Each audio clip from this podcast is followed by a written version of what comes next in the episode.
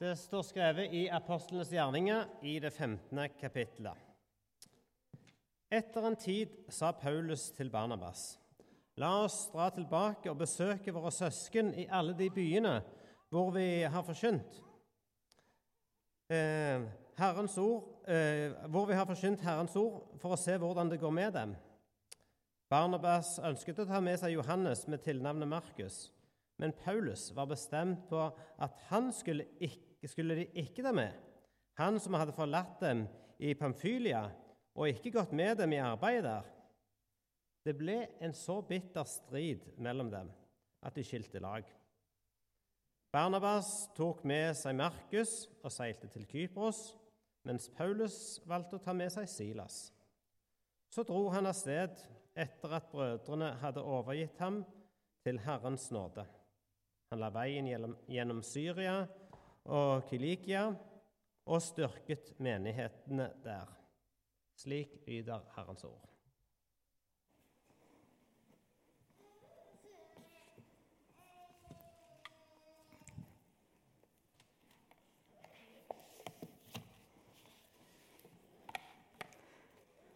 Sønnen min sa han trodde jeg skulle snakke før søndagsskolen, for han òg vil gjerne ha med seg dette her med når kristne skal krangle. Men jeg sa jeg får ta det neste søndag på søndagsskolen.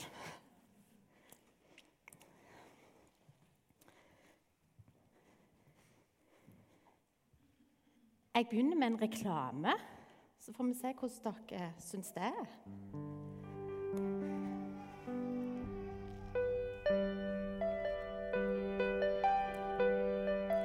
Det er bare tull at det er pinnenkelt og tar kort tid og får i stand julemiddag.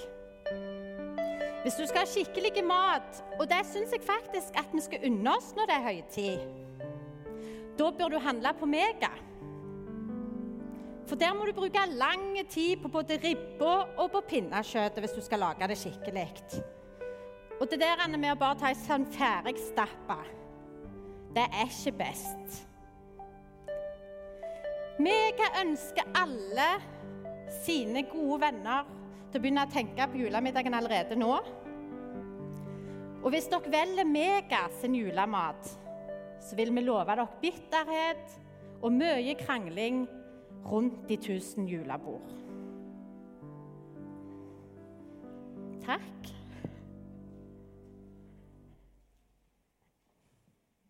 Jeg har ikke hørt så mange reklamer der de reklamerer for bitterhet og krangling. Eh, jeg vet at det skjer. Første gangen jeg skulle lage juleribbe, eh, hadde kjøpt ei sånn ferdigribbe. For jeg tenkte jeg skulle liksom imponere litt mannen min, for han ville helst ha ribbe. Men det som var litt feilen, var at det, hun var ferdigsteikt. Skulle bare varmes. Men det var thairibbe. Og jeg liker godt thaimat, men akkurat den der thailukta når en har vokst opp med ribbalukt eller pinnekjøtt, det er ikke liksom det som kanskje skaper den beste stemningen, grunnstemningen til julemåltidet.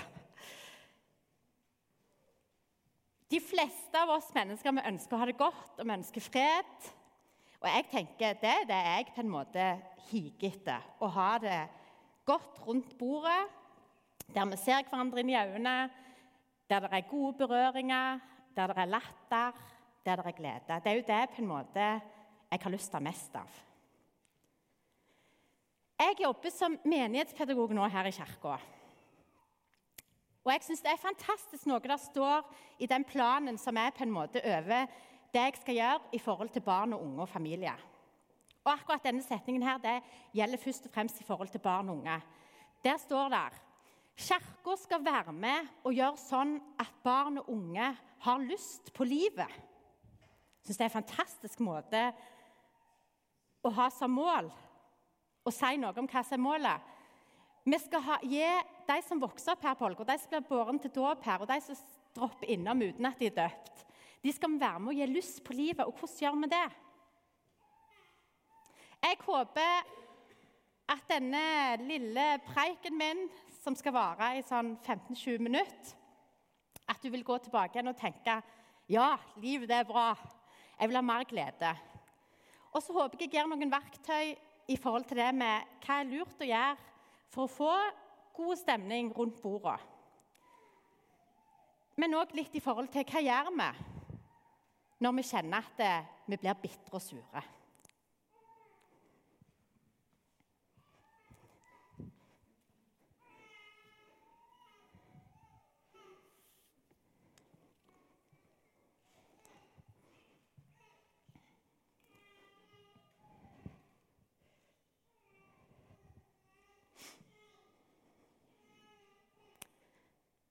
Jeg hater deg.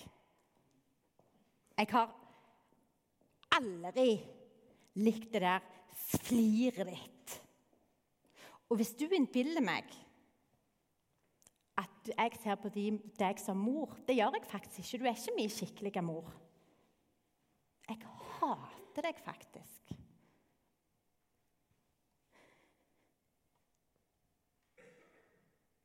Jenta mi sa hva du skal ut på i dag. Hvorfor har du den kjolen? Det ser ut som en sånn utenlandsk kjole.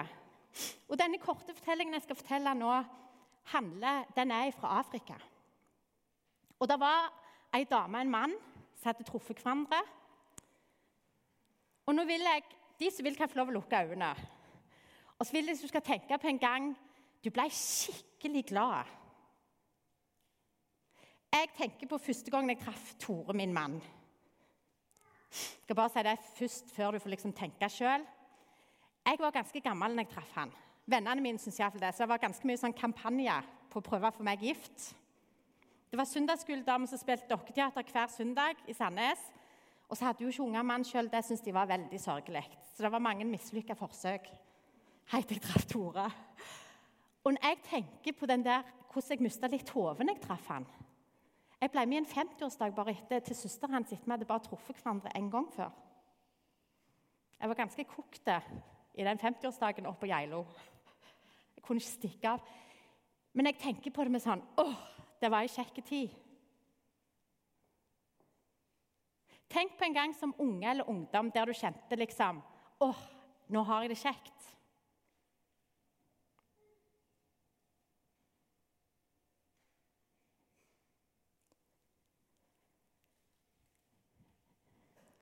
Hun her Zenit, som jeg skal fortelle dere om, hun jobbet på en kafé.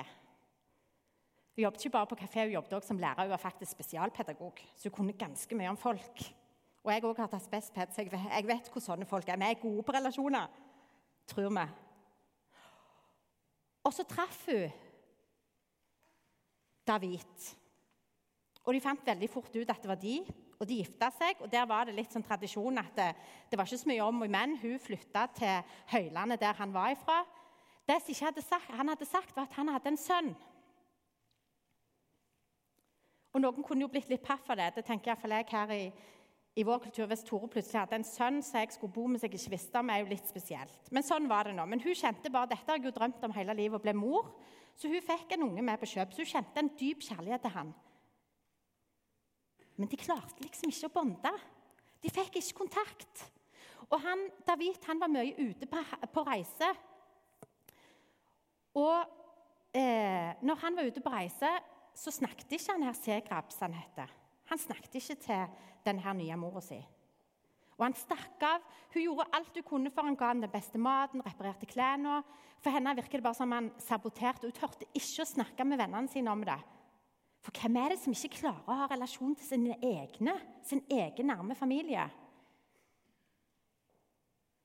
Det var helt umulig for henne, selv om hun tenkte det hadde nok vært lurt å snakke med noen om dette. Men det er jo helt umulig å si til noen jeg klarer ikke å bonde med min egen sønn. Det gikk så langt at en gang når han her var ute på reis, David, så stakk Segrab av. Og Hun var livredd, hun fikk ikke sove, hun satt våken hele natta. Og Segrab kom ikke tilbake igjen før faren hadde kommet tilbake igjen. Og Den morgenen så var Zenit så fortvilte at hun tenkte jeg får gå og snakke med han vise mannen. Jeg må ikke si det til noen, jeg får gå og snakke med han som bor ut forbi landsbyen. Og Hun sprang av gårde, og det var langt. Etter hvert måtte hun bare hive skoene av seg. og Det var sumpmyr, og hun gikk og gikk og gikk. Og når hun kom der Ja, hun hadde vært så desperat at til og med armene hadde begynt å bli numne. Hun var nummen på lippene. Og hun hadde begynt å drømme noen sånne merkelige drømmer. At hele huset de bodde i, bare liksom begynte å Det løsna litt fra bakken, og så bare seilte det nedover bakkene der de bodde. En natt så drømte hun at det ble lekkasjer rundt forbi hele huset. Og En annen natt så drømte hun at hun var ute og kjørte bil, men det var ingen sjåfør. Hun kunne ikke ha det sånn som dette, så hun var helt desperat når hun kom til han vise mannen og sa «Du må hjelpe meg, du må lage et kjærlighetsmiddel!» Sønnen som jeg skal oppdra som jeg er mor til, han sier han hater meg! Du må gi meg et kjærlighetsmiddel! Det du ber meg om, er veldig vanskelig. Jeg kan mye, men et kjærlighetsmiddel, det er ganske problematisk. Men jeg tror jeg kan hjelpe deg, men du må få tak i et lite værhår av den løven med den store steinen og gi til meg, og jeg skal hjelpe deg. Jeg kommer jo til å dø! Har du tenkt å ta livet av meg? Jeg vil ikke ta livet av noen. Du spør meg om hjelp. Jeg sier svaret. Du må finne den værhår. Hun elsket denne gutten, så hun bestemte seg for ja, dette vil jeg gjøre. Og I begynnelsen så gikk hun ut og bare orket ikke å gå på andre sida av elva engang. Men etter hvert begynte hun å nærme seg og sto og så på løver på avstand. Og Etter en stund så begynte hun å ta med mat til løver, og så la hun det fra seg og så sprang hun av gårde hjem. Etter hvert så var det akkurat som løver begynte liksom å være litt sånn vennlige mot henne. Det var sånn mm, mm, mm, Koselige løve. Men en dag kvakk hun til, for da var det de svære tennene hun hørte bare at det knakk i kjøttet når han spiste. Men en dag Ja, det har gått både dager, uker og måneder. Så lukker hun øynene. Så tar hun et værhår springer av gårde til medisinmannen. 'Jeg har det! Lag kjærlighetsmedisin, så jeg kan få kontakt med min egen sønn.' Du har værhåret. Du trenger ingen medisin. Du har gitt tid og tålmodighet. Gå og gjør det samme med din sønn. Tid og tålmodighet. Og dette med kjærlighet og bonding vil fikse seg.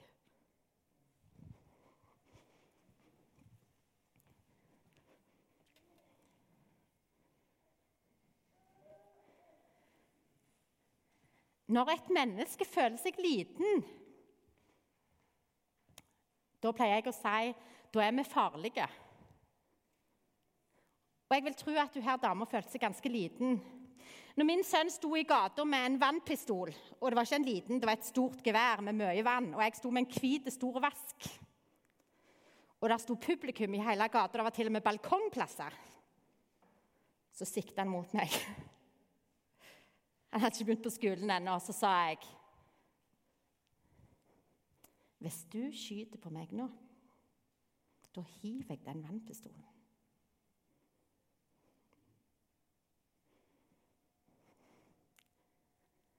og han skøyt. Og jeg ble ganske liten.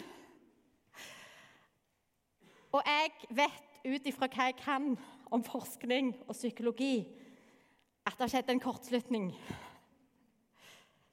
Jeg klarte ikke å bruke tenkehjernen min. Jeg gikk helt alarmberedskap dette ble livsfarlig. Og nå tuller jeg litt med det, men det er jo, jeg kan kjenne fysisk i kroppen hvor ubehagelig det var. Og jeg viser muskler. Jeg er ei mor som viser hvor grensene går.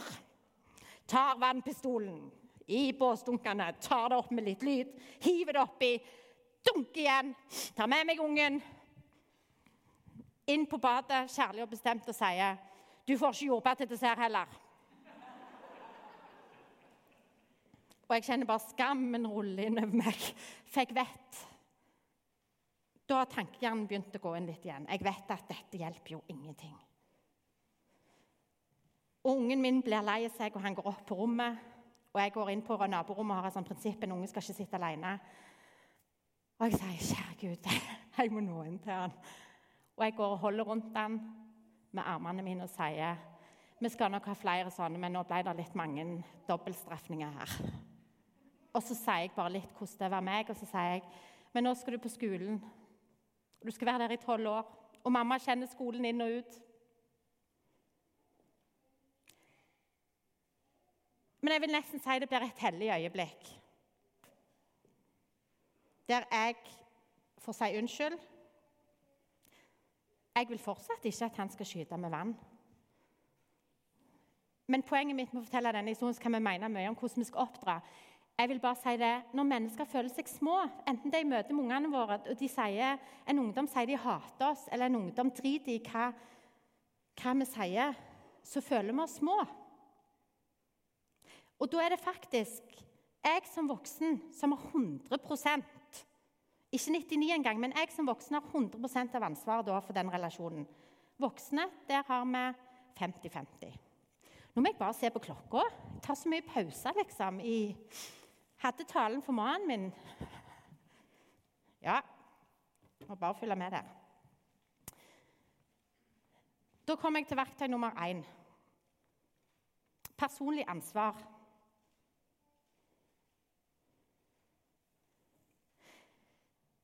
Det sa faktisk mannen min jeg sa jeg skulle snakke om krangling. Da må du dele det som går på personlig språk og personlig ansvar. For det har vi øvd oss på som voksne. Jeg tror ikke jeg som voksen, når jeg på en måte var voksen og fikk unger, så hadde jeg ikke fått øve meg så mye på det med regulering. Så jeg kjente ikke så mye til eh, Når jeg ble liten, så visste jeg ikke helt hva jeg skulle gjøre. Så da sier Hedvig Montgomery, en klok familiepsykolog, da går vi automatisk i sånn vi ble møtt fra vi 0 til 6 år. Og jeg tenker at alle foreldre gjør så godt de kan.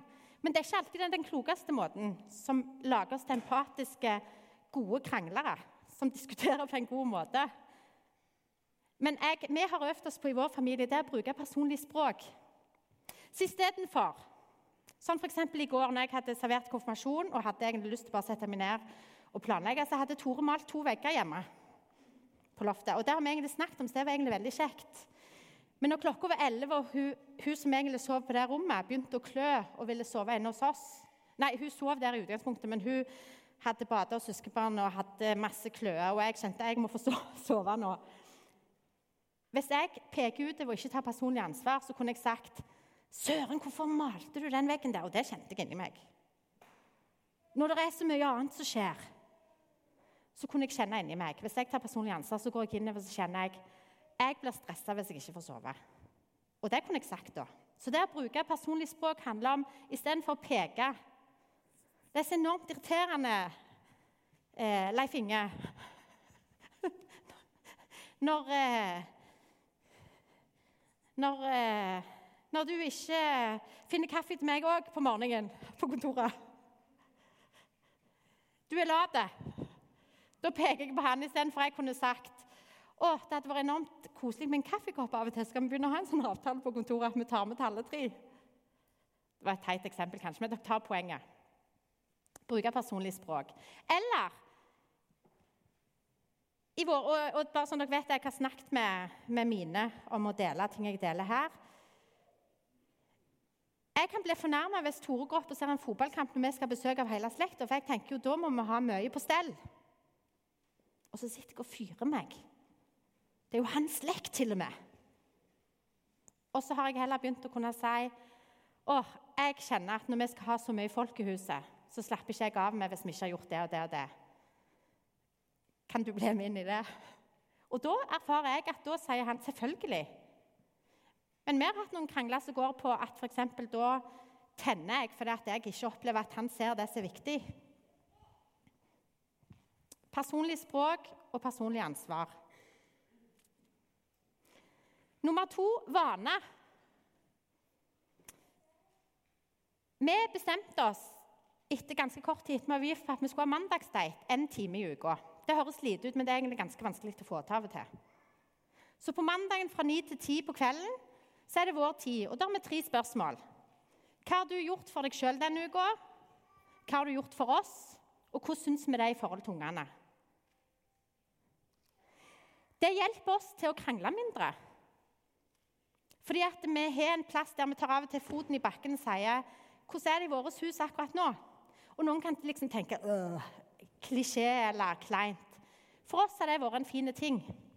Det var ikke en ting som jeg hadde lært eh, før jeg hørte det av noen som sa det. Så tenkte jeg det hørtes fint ut. Vi leser høyt for hverandre nesten hver dag. Og det bruker vi kanskje fem minutter på. Det gjør de dagene det er litt dårlig stemning, så kan kanskje Tore si jeg går og finner boka. Og så har vi Karsten Isaksen, og det er kort, og det er enkelt, og det er eh, Det er liksom bare ei ramme over vårt heim. Og det gjør at Oi! Noe trygt. Noe å holde fast med. Akkurat som vi synger for ungene om kvelden. Så er Det akkurat sånn, det gjør vi uansett hvordan dagen har vært. Om jeg har krangla med ungene, så gjør, går jeg inn og så er jeg 100 voksen, og så er jeg på en måte båndeg igjen når kvelden kommer. Og dette med takknemlighet. Vi har tagga hele vårt kjøkken. Når mor mi så det, så kom hun inn og så på kjøkkenet og sa Oi, skal dere skifte kjøkken snart? Og Det var en idé egentlig på at vi skulle skifte kjøkken. Og så ble jeg litt opptatt av vi må være takknemlige for det vi har. Og så Hver dag på morgenen og kvelden så fikk ungene tagge ting de var takknemlige for. Plutselig så er det nesten blitt en sånn støtte i heimen vår som blir litt vanskelig å ta ned.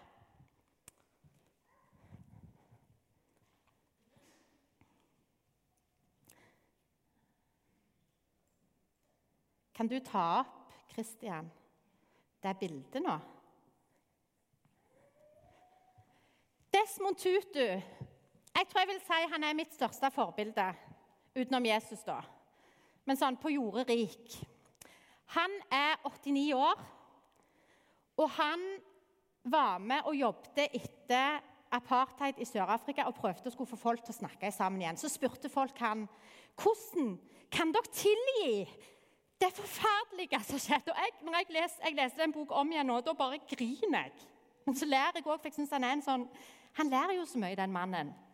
Og så sa han jeg måtte skrive ei bok som svar. Og han har skrevet ei bok som heter 'Fred med seg sjøl og fred i verden'.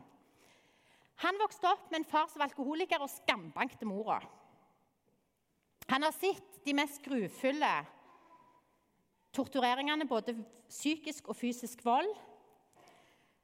Det som er så befriende med han, for når jeg kunne lest det, så kunne jeg tenkt ja, men dette handler jo ikke om det vi putler med her i Rogaland. liksom. Det er jo helt andre tilstander. Selv om her òg er det både psykisk og fysisk vold, som ikke bare er enkelt, og folk som har blitt såra og bitre. Men han snakker om tilgivelsens sirkel som en ting vi kan bruke når vi krangler om is, om det skal være pistasjeis eller vaniljeis. Og de følelsene en får etter da i en familie. Og når det har skjedd grusomme ting som det er vanskelig å sette inn i et menneske kan leve etterpå å ha sett sine egne liv sånn. Men han sier en kan velge å være i hevnsirkel og tro at en hevner seg på de som har gjort noe vondt. Men det en egentlig gjør når en er bitter, er en drikker litt gift hver dag, og så tror en den andre skal dø. Men så sier han en kan velge tilgivelsens sirkel. Og da er det ei oppskrift. Fortell din historie. Jeg opplevde det enormt trist å ikke få pistasjeis. Det er alltid Agnete som får velge at vi skal ha sjokoladeis. Sett ord på smerten. Jeg kjenner jeg er rasende. Hun får alltid velge. Tilgi, anerkjenn vår menneskelighet. Tutu har lært meg jeg er et menneske som trenger tilgivelse, og jeg trenger å tilgi andre. Og så er det kanskje det som har betydd mest for meg. Og så er nummer fire forny eller forløs relasjonen. Når jeg vokste opp, så lærte jeg det. Ta hverandre i hendene, er alle venner. Og så akkurat som i julemiddagen så tenker jeg det er ganske mye mer behagelig når vi kan være venner og alt kan være fint. Men noen ganger tror jeg faktisk vi skal undervise ungene og ungdommene våre at det er greit å si ja, jeg tilgir for min egen del. Og Jeg har jobbet med, ungdom, jeg har jobbet med meg sjøl, så det er nok til å vite dette. Men jeg har også jobbet med masse ungdommer som har stygge historier å fortelle. Men så har jeg kunnet sittet og sagt du skal tilgi for din egen del. Og her er det et helt sånn Jeg syns det er magi. Og Bibelen har jo snakket om dette i mange tusen år. Men psykologien òg forsker mye på dette nå. Da går vi inn for landing.